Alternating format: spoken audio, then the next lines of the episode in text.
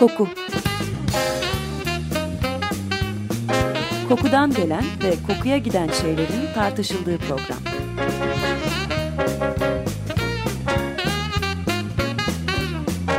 Hazırlayan ve sunan Vedat Ozan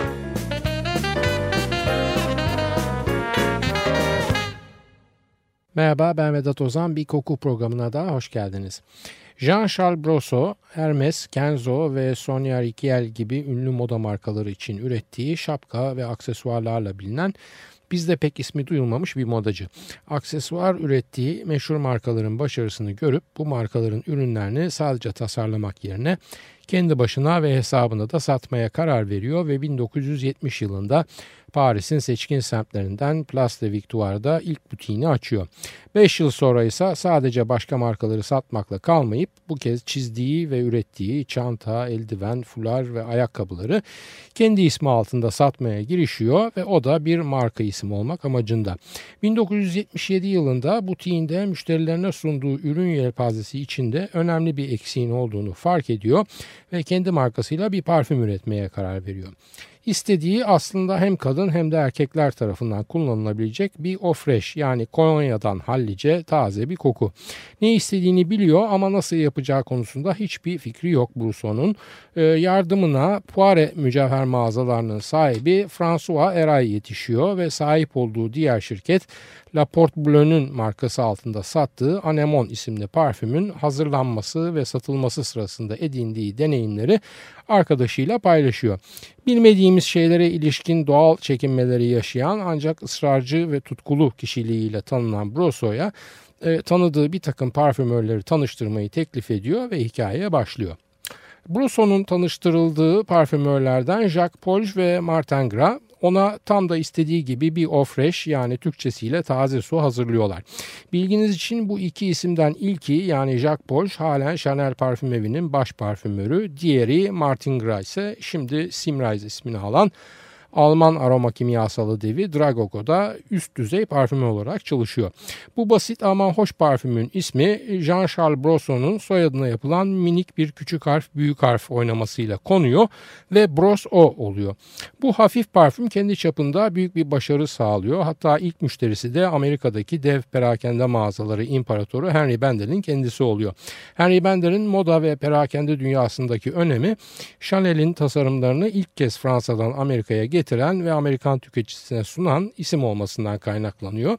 Hala New York'un meşhur 5. caddesindeki iki dev bloktan oluşan ve genç yabancı tasarımcıları Amerikan sosyalitlerinin beğenisine sunmasıyla da tanınan Bendel'in Bayılarak aldığı bu Ofresh yani Bros O çok kısa sürede büyük sükse yapıyor ve bütün stoklar satılıyor.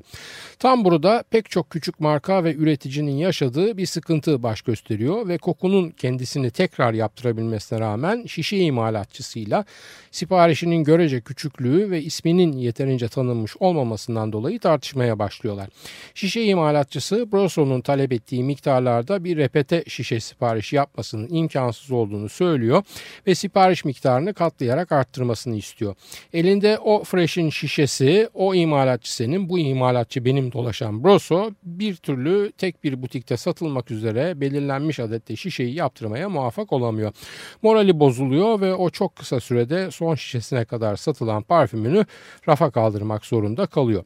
Ancak Brosso'nun bu hacim olarak küçük ama etki olarak büyük e, minik başarısı elbette koku dünyasının dikkatinden uzak kalmıyor. Şimdi Givaudan ismini almış olan bir diğer aroma kimyasalı devi o zamanki ismiyle Rur'dan François Masken bir randevu talep ediyor kendisinden. Rur hem pek çok marka için koku üreten hem de başka aroma kimyasalı devlerinin başka markalara üretecekleri parfümler için hazır koku bazları satan dev bir şirket. İlk görüşmelerinde biraz hoşbeş ettikten sonra Masken kendisini Paris'in hemen dışındaki Arjantöy'deki genel merkezlerine davet ediyor. İkinci buluşmada Broso buyur edildiği odada büyükçe bir masa ve üzerinde pek çok parfüm numunesi görüyor. Bir yanda kendi başarılı ancak şişe sorunu yüzünden üretilemeyen Ofreş'i, diğer tarafta aynı klasmana girebilecek onlarca başka marka parfümle aslında masken Broso'ya benzer kokuların rekabetinin nasıl bir şey olduğunu izah etmeye çalışıyor ve farklı olmanın fark edileceği düşüncesine alıştırmaya uğraşıyor. Diğer benzer parfümlerle kendi parfümünün mukayese edilmesi ve belki biraz moral bozucu başlayan toplantı süre geçtikten sonra zaten Brosso'nun kafasında hafiften yeşermeye başlayan bir takım fikir filizlerinin daha da belirginleşmesine yol açıyor. O büyük bir parfüm yapmak istemekte. Basit, açık, minimalist ancak güçlü bir karakteri ve doygunluğu olan farklı bir parfüm. Yaşı ne olursa olsun her kadın tarafından kullanılabilecek ve kokuyla atılmış bir imza gibi hep hatırlanabilecek bir parfüm. Brosso bu parfümün aynı zamanda başından sonuna aynı kokacak, sabahtan akşama değişmeyecek hatta ertesi günde hissedilebilecek ve tek bir notadan oluşmuş bir parfüm olmasını arzu ediyor. Elbette bu istenenler yani hem piyasadakilerden farklı olmak hem de tek bir nota etrafında uzun süre kalıcılık öyle çok da kolay bir şey değil. Brosson'un dile getirdiklerini dinleyen bunun için Ruhr'un laboratuvar kısmı ile beraber uzun süreli bir çalışma yapmaları gerektiğini belirtiyor. Ancak toplantı odasında Masken ve Brosso'dan başka bir de genç bir hanım var. Florence Deschamps. Ruhr şirketinin halkla ilişkilerinden sorumlu genç bir Amerikalı Florence Deschamps. Florence konuşmanın bu aşamasında çok da aslında kendi konusu olmamasına rağmen lafa giriyor ve halen laboratuvarlarında çalışılmakta olan bir parfüm numunesini kullanmakta olduğunu, bu parfümü her kullandığında da çevresinden ''Aa bu da ne ne kadar farklı ve hoş kokuyor nereden aldın?'' diye ilgi gördüğünü belirterek çantasını karıştırıyor ve minik bir şişeyi Brosso'ya uzatıyor. Küçük bir bilgi vereyim üzerine çalışılan bir projeyi şirket dışına çıkararak olarak kullanmak aslında yasak bir şey olmasına rağmen aroma kimyasalı devlerinin laboratuvarlarına erişimi olan üst düzey çalışanlar bu küçük kaçamağı sık sık yaparlar ve kendilerinin de bir parçası oldukları koku projeleri örneklerini günlük hayatlarında da kullanarak gelişme süreci içinde sokaktan gelecek tepkileri ölçerler. Sokak dediysem bu tam anlamıyla sokak. Yani sadece eş, dost, akraba değil, taksi şoförü, işte gişedeki bilet satıcısı vesaire gibi pek çok farklı insanın o an üzerinde çalışılan koku projelerinin yönünü ve gelişimini bilmeden etkilediği pek çok parfüm örneği vardır piyasada. Bu konuda en çok yaramazlık yapanlar da bizzat o projenin koku tasarımı ayağını yürüten parfümörlerdir ve bazen bir parfümün her aşamasına ayrı ayrı sürünerek eserlerinin insanlar üzerindeki etkisini demografik analizlerin tartışıldığı briefing odalarının dışında ölçmek ve elbette aslında kompliman almak isterler. Toplantıya dönelim. Brosso, Florence Deschamps'ın koklattığı proje kokusuna ilk görüşte aşık olur. O dönemde herkesin neredeyse aynı koktuğu paçuli ve yeşil elma akorlarının dışında yeni ancak tanıdık gelen bir örnektir bu koku. Brosso'ya gençlik yıllarını, anneannesini ve halalarını, onların yüzlerini pudralayıp şık şapkalar giydikleri pazar günlerini hatırlatır. Hem taze hem pudramsı hem temiz hem de yani çok ama çok güzel bir kokudur bu. Toplantı bu minvalde devam eder ve ertesi gün arayışlarına devam etmek üzere ayrılırlar. Ertesi gün sabahın erken saatlerinde Brosso François Masken'i arayarak benim için başka bir koku çalışması falan yapmanız gerekmez. Ben dün Florence'ın koklattığı o kokuya aşık oldum ve kesinlikle onu istiyorum der. Dur hocam bu işler o kadar basit değil diye cevaplar Masken onu. Bir sorayım ben laboratuvara ne kokusudur bu ve kimin için hangi markaya çalışılıyormuş bu proje. Sen kapat ben sana döneceğim der. Masken'den gelen ikinci telefonu beklerken Broso beynindeki o muhteşem koku imgesine saplanıp kalıvermiştir. Butiğinde bir aşağı bir yukarı yürür, tuvalete girer çıkar, gene girer, gene çıkar, müşterileriyle ilgilenmeye çalışır. Ancak kendini günlük işlerine veremediği her halinden bellidir. Tam öğlen yemeğine çıksam mı yoksa telefonu mu beklesem falan diye düşünürken zır diye telefon çalar. Hattın diğer ucunda pek de neşeli olmayan bir ses tonuyla François Masken vardır. Ya hocam seni de beklettik ama haberler kötü der. Şimdi müsaadenizle sizi e, bizi izlemeye devam edin konumunda bırakarak kısa bir kahve ve müzik arası veriyorum. Konuşmanın ve hikayenin devamına birkaç dakika sonra döneceğiz. Jean Ferrat, Le Petit Bistro. Les petits bistrots au pinard fleuri, nappes à carreaux et beefsteak garni. Les petits bistrots où l'on vient goûter devant le perco le premier café. Les petits bistrots qui n'ont pas de jukebox, seulement la radio pour suivre la boxe. Et les petits bistrots où j'ai des amis, Robert et Jojo et Simone aussi. La patronne est à la cuisine, le patron derrière son comptoir. On parle du tour et du racine devant un rouge ou un petit noir. Les petits bistrots, quand je suis loin d'ici, à Londres, à Tokyo, j'en rêve et je me dis que les petits bistrots qui sont à Paris, je les reverrai bientôt.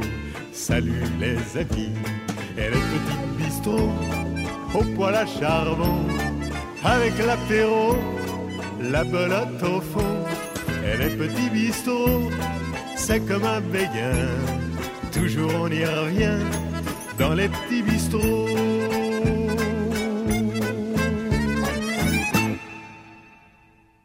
Açık Radyo 94.9 koku programındayız. Jean Ferrat'dan dinledik Le Petit Bistro. Evet nerede kalmıştık? Broso markası altında satmayı düşündüğü kokuyu ararken tesadüfen toplantıya katılan halkla ilişkiler sorumlusu genç bayanın üzerinde kokladığı ve başka bir parfüm projesine ait olan bir kokuyu beğenir ve onu Rouge şirketinden talep eder.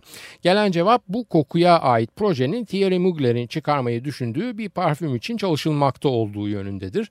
Broso bu cevapla dayak yemiş gibi olur olur. Çok sinirlenir ve ben onu çok beğendim o koku benim olmalı diye itiraz eder. İki müşteri arasında kalmış gibi görünen masken bir gün daha müsaade ister ve bir sonraki gün Broso'yu tekrar arayarak müjdeli haberi verir. Üzerine çalışılan koku artık onundur ve markası altında satabilecektir. İşin gerçeği Thierry Mugler'in bir parfüm projesi üzerine çalışmakta olduğu doğrudur. Bu parfümün pudramsı ve gurme bir hava içerdiği de doğrudur ama bu proje 2 yıldır sürmektedir ve neredeyse rafa kaldırılacaktır. Koku şirketi Ruhr'un neredeyse artık satışından bütün ümidini kestiği bir koku bazı toplantıya katılan halkla ilişkiler uzmanının da katkısıyla Broson'un ilgisini mıknatıs gibi çekmiş depoya kalkacak koku birden yeni bir marka parfüm kimliğine bürünü vermiştir. Aslında koklatılan ve beğenilen örnek tam bir parfüm haline de gelmiş değildir henüz. İki koku bazının bile birleşimidir ve daha üzerinde çok oynama, ekleme, çıkarma yapılması gerekmektedir. Ancak bu gerek Ruhr şirketi yani kokunun üreticisi için geçerlidir. Kokuya markasını verecek olan Brosa'ya göre ona hiç el sürülmemelidir ve olduğu gibi satılabilir.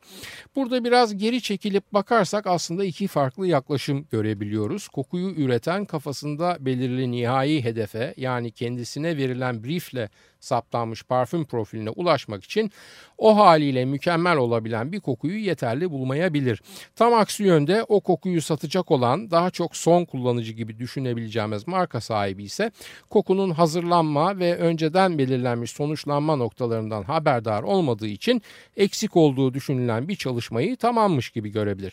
İlk ayakta yani parfümör ve koku üreticisi ayağında daha çok mükemmelliyetçilik ve bir miktar profesyonel dejenerasyon görülebilirken ikinci ayakta tamamen duygulara dayalı masum bir değerlendirme söz konusu. Güzel kokuyorsa güzel kokuyordur ve bunu daha da zorlayıp illa masumiyetini kaybettirmek gerekli değildir.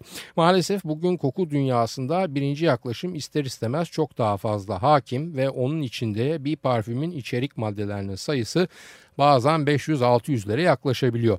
Oysa oranların değişilebilirliğini düşünürseniz kokusal farklılığa ulaşmak için illa yüzlerce malzeme kullanmak gerekmiyor.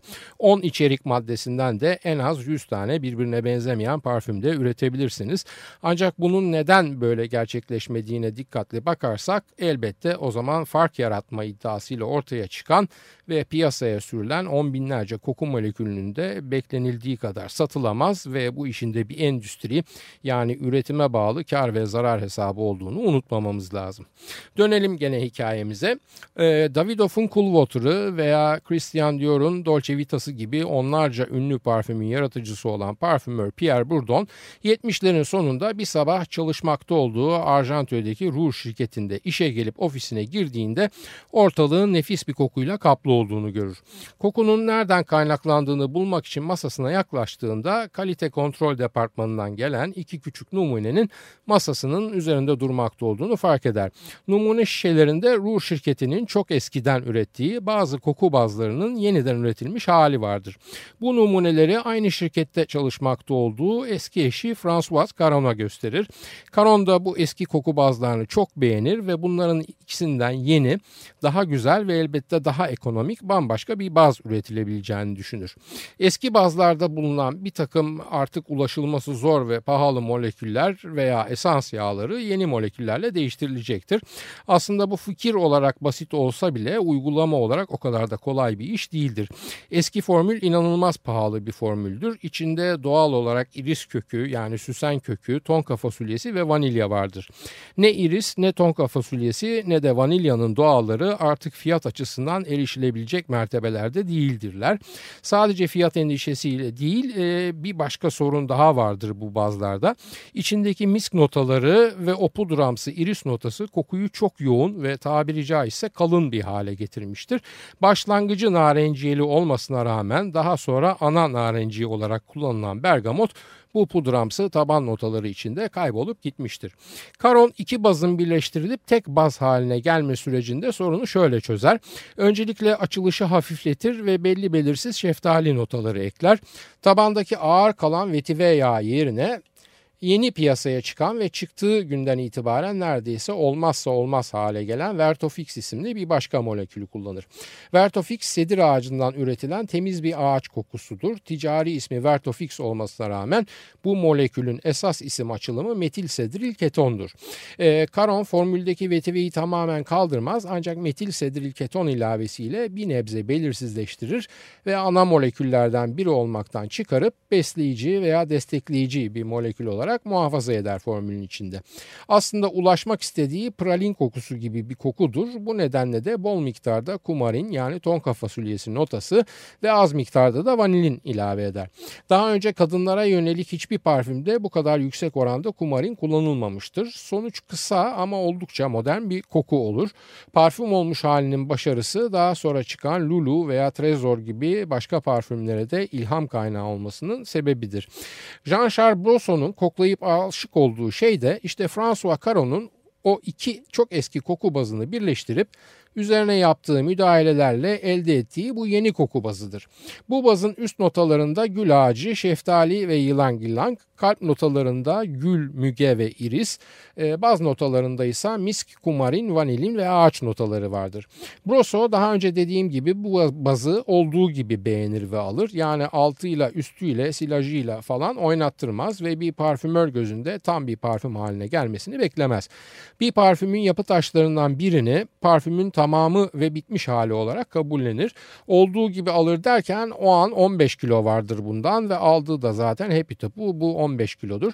Tabi stokta kalmış bir koku bazına yeni müşteri çıkması Ruhr firmasının sahibi Jean Amik'i nasıl sevindirdiyse siparişin eldeki miktarla yani 15 kiloyla sınırlı kalması da onu o kadar sinirlendirir. Ancak bu hayal kırıklığı çok fazla uzun sürmez ve Broson'un Amerika Birleşik Devletleri'nde bir distribütör bulmasının ardından satışlar patlayacak.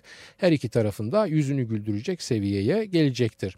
Ancak bu Amerika macerasına hemen geçilemez tabii. Zira koku hazırdır ama ortada ne şişe ne de daha önemlisi parfümün bir ismi yoktur.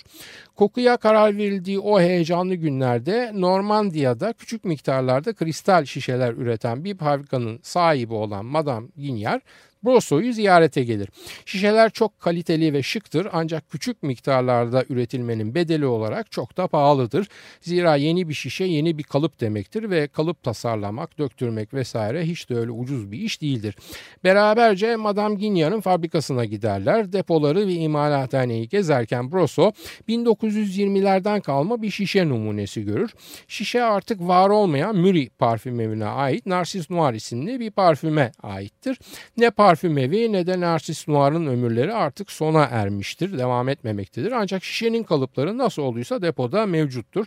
Hoş bir fligre desen içeren ve orijinali çok hafif pembe boyalı olan Narcis Noir şişeleri lacivert ve siyah boyalı olarak yeniden denenirler ve daha seçkin, daha pahalı bir algı yaratan siyah hale getirilmiş eski Narsis Noir şişesi bu yeni parfümün de şişesi oluverir. Bu şişenin içine yerleşeceği kutu da gene hafif ucuz ancak şık beyaz bir kutu olacaktır. Burada bir parantez açmak istiyorum çünkü şişe üreticisine nasıl ulaşıldığına dair bir başka rivayet daha var. Bu rivayete göre de Brosso'nun kızı bir pazardan eski bir şişe alır. Şişenin üzerindeki motifler çok hoşuna giden Brosso da biraz araştırma yaparak üreticisine ulaşır ve ondan bunun yapılıp yapılamayacağını sorduğunda şişe çok eski olmasına rağmen kalıbın depolarda bir yerde mevcut olduğu cevabını alır. İkinci hikaye tabi aile üyelerini de işin içine kattığından biraz daha sempatik geliyor ve Brosso'nun resmi açıklaması da zaten bu yönde. Ancak benim içimden nedense daha çok ilk hikayeye inanmak geliyor. E, bütün bunlar olurken ve Broso gerçekten bir tesadüf eseri başka markaların deyim yerindeyse artıklarından ve kalıntılarından kendine yeni bir konsept yaratırken kendi işi olan aksesuar imalatına da devam etmektedir. E, Amerikalı Perielis firması için ürettiği eldivenlerin nakliyesiyle ilgilenen bir arkadaşı onu Cabochard ve Fraka gibi ünlü ve nispeten niş bir takım parfümlerin Amerika mümessili olan Irving Alphin'le tanıştırır. Giysi tasarımcısı bir Fransızın çıkaracağı yeni bir parfüm artık hiçbir Amerikalı için heyecan verici değildir aslında. Çünkü kendi ismine parfüm çıkarmayan Fransız vatandaşı kalmamış gibidir 70'lerin sonunda. Gene de Brosson'un heyecanından etkilenir Irving Alvin ve önce Paris'te sonra New York'ta buluşurlar. New York'ta önce Brosson'un ilk parfüm denemesi olan O Fresh'in ilk müşterisi Handy Bendel'e uğrarlar. Bendel O Fresh e, satışa çıktığı gün Paris'teki butiğe uğrayıp ilk siparişi vermiş ve 6 düzine satın almıştır. Ancak dev mağazaya vardıklarında bu 6 düzineden sadece bir düzinesinin satılmış olduğunu görürler. Bu moral bozukluğu üzerine kendi aralarında sohbet ederlerken Brosso yanında getirdiği yeni parfümü ortaya çıkarır verir. Aslında seyahate aceleyle çıkıldığı için eksikler çoktur. Şişenin kapağı da halen şişenin ağzına küçük gelmektedir ve kutuları da evde karısıyla beraber yolculuğa çıkmadan bir gece önce kesip yapıştırarak yapmıştır. Ama gene de beyaz kutunun içindeki kabartmalı simsiyah şişe Irving Alphin'i çok etkiler. 1920 tarihli eski şişenin e, elden geçirilmiş yeni hali Alphin'e geçmiş zamanları hatırlatır ve depresyondaki Amerikan ekonomisi, Watergate skandalı, Vietnam Savaşı gibi o günün olumsuzlukları içinde her Amerikalı gibi onun da geçmişin huzurunu hatırlatacak şeylere çok fazla ihtiyacı vardır. Bu heyecan içinde hemen üç büyük mağazayı Bergdorf Goodman, Saks Fifth Avenue ve Bloomingdale's'i arar. En yakın randevu Bergdorf Goodman'dan gelir. Randevu için Alfin Brusso'nun şişesini pembe kurdelelerle filan süsler ve Bergdorf Goodman'ın satın almacısı Mercedes Berger'ın içeri girince aniden masanın üstüne koyar. Berger şişeye de bayılır, kokuyu ya da lafı uzatmadan hemen anneler günü için sipariş verse yetiştirip yetiştiremeyeceklerini sorar. Alfin ve Brosso'nun bir zil takıp oynamadıkları kalmıştır. Ancak ortada hala çok büyük bir sorun vardır ve parfümün bir ismi yoktur. Brusso parfümüne sofa ismini vermek ister ancak Alfin üzerine uzanılacak ikili koltuk anlamına gelen bu ismin Fransa'da seçkin bir çağrışımı olmasına rağmen Amerika'da beş paralık değeri olmayacağını söyleyerek itiraz eder. Siparişi hazırlamak için ülkesine dönen Brosso'nun kafası şimdi bu soruyla baş başa kalmıştır. Bir sabah aklına evvelki gün gördüğü çok şık bir Brezilya dergisi olan Sombra gelir. Sombra'nın Fransızcası sombrudur ve karanlık demektir. Zihninde birbiri peş sıra zincirler kurarak devam eder. Sombr karanlıktır ama gölge anlamına gelen ombr o kadar da karanlık değildir. Nasıl eski şişeye renk verildiyse gölgeye de bir renk verilebilir mi diye düşünür ve dudaklarından ombre rose ismi dökülür. Bilginiz için bu isim Türkçe'de pembe gölge anlamına geliyor. Ancak Fransızca'da rose kelimesi hem pembeye hem de güle birlikte bir gönderme yapıyor. Her iki kelime de her lisanda kolayca telaffuz edilebilmektedir ve fonetik olarak da dengelidir. Alfin de ismi beğenir ve hem yeterince Fransız bir isim olarak bulur hem de Amerikalıların Fransız olan şeylere düşkünlüğünü tetikleyebileceğini düşünür. E, Brosso ve karısı 200 kadar şişeyi 3 boy eau de parfüm ve 1 boy eau de tuvalet olarak akşamları elle doldurur, paketler ve hazırlarlar. Parfüme ilişkin ve Brosso'ya ödenecek paradan bedeli düşülecek bir reklam sayfası anneler gününden birkaç hafta önce New York Times'ta çıkar. Buna ek olarak şişenin görsel seçkinliğinden yararlanmak için Bergdorf Goodman o güne kadar yapılmayan bir şeyi yapar ve mağazanın vitrinlerine de bu şişeyi yerleştirir. Şişenin bu yatsınamaz görsel etkisi ve içindeki kokunun da farklı yapısı Bergdorf Goodman'ın verdiği bütün siparişin daha anneler günü gelmeden satılıp bitmesiyle sonuçlanır. Sipariş siparişi takip eder ve işler o hale gelir ki artık Brosso ve karısının şişelemesini aşar bir marka olarak bir pazarlama grubuna satılır Ron Bros. Yıllar sonra bir gün Bugün Broso gene Amerika Birleşik Devletleri'ndedir ve bir parfümeride bir satış asistanının üzerine sıktığı koku ona tanıdık gelir. Şişeye bakar ombrozdur ancak kendi başlattığı kokudan farklı bir yerdedir bu ombrozun koku profili. Formül değişmiş başlangıç noktasından uzaklaşılmıştır. Broso'nun daha sonraki 10 yılı eşi ve oğluyla bunun önüne geçebilmek için verdikleri lisansı geri alma mücadelesiyle geçer.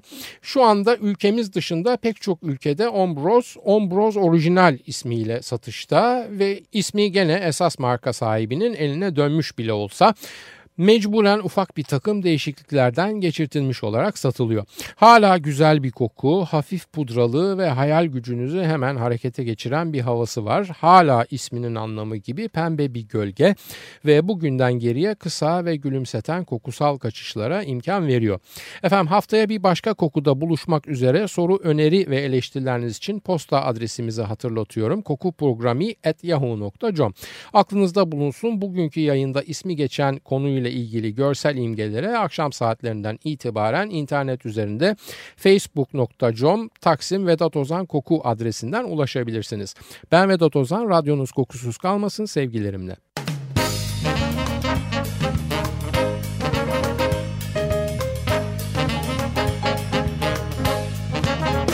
Koku Kokudan gelen ve kokuya giden şeylerin tartışıldığı program.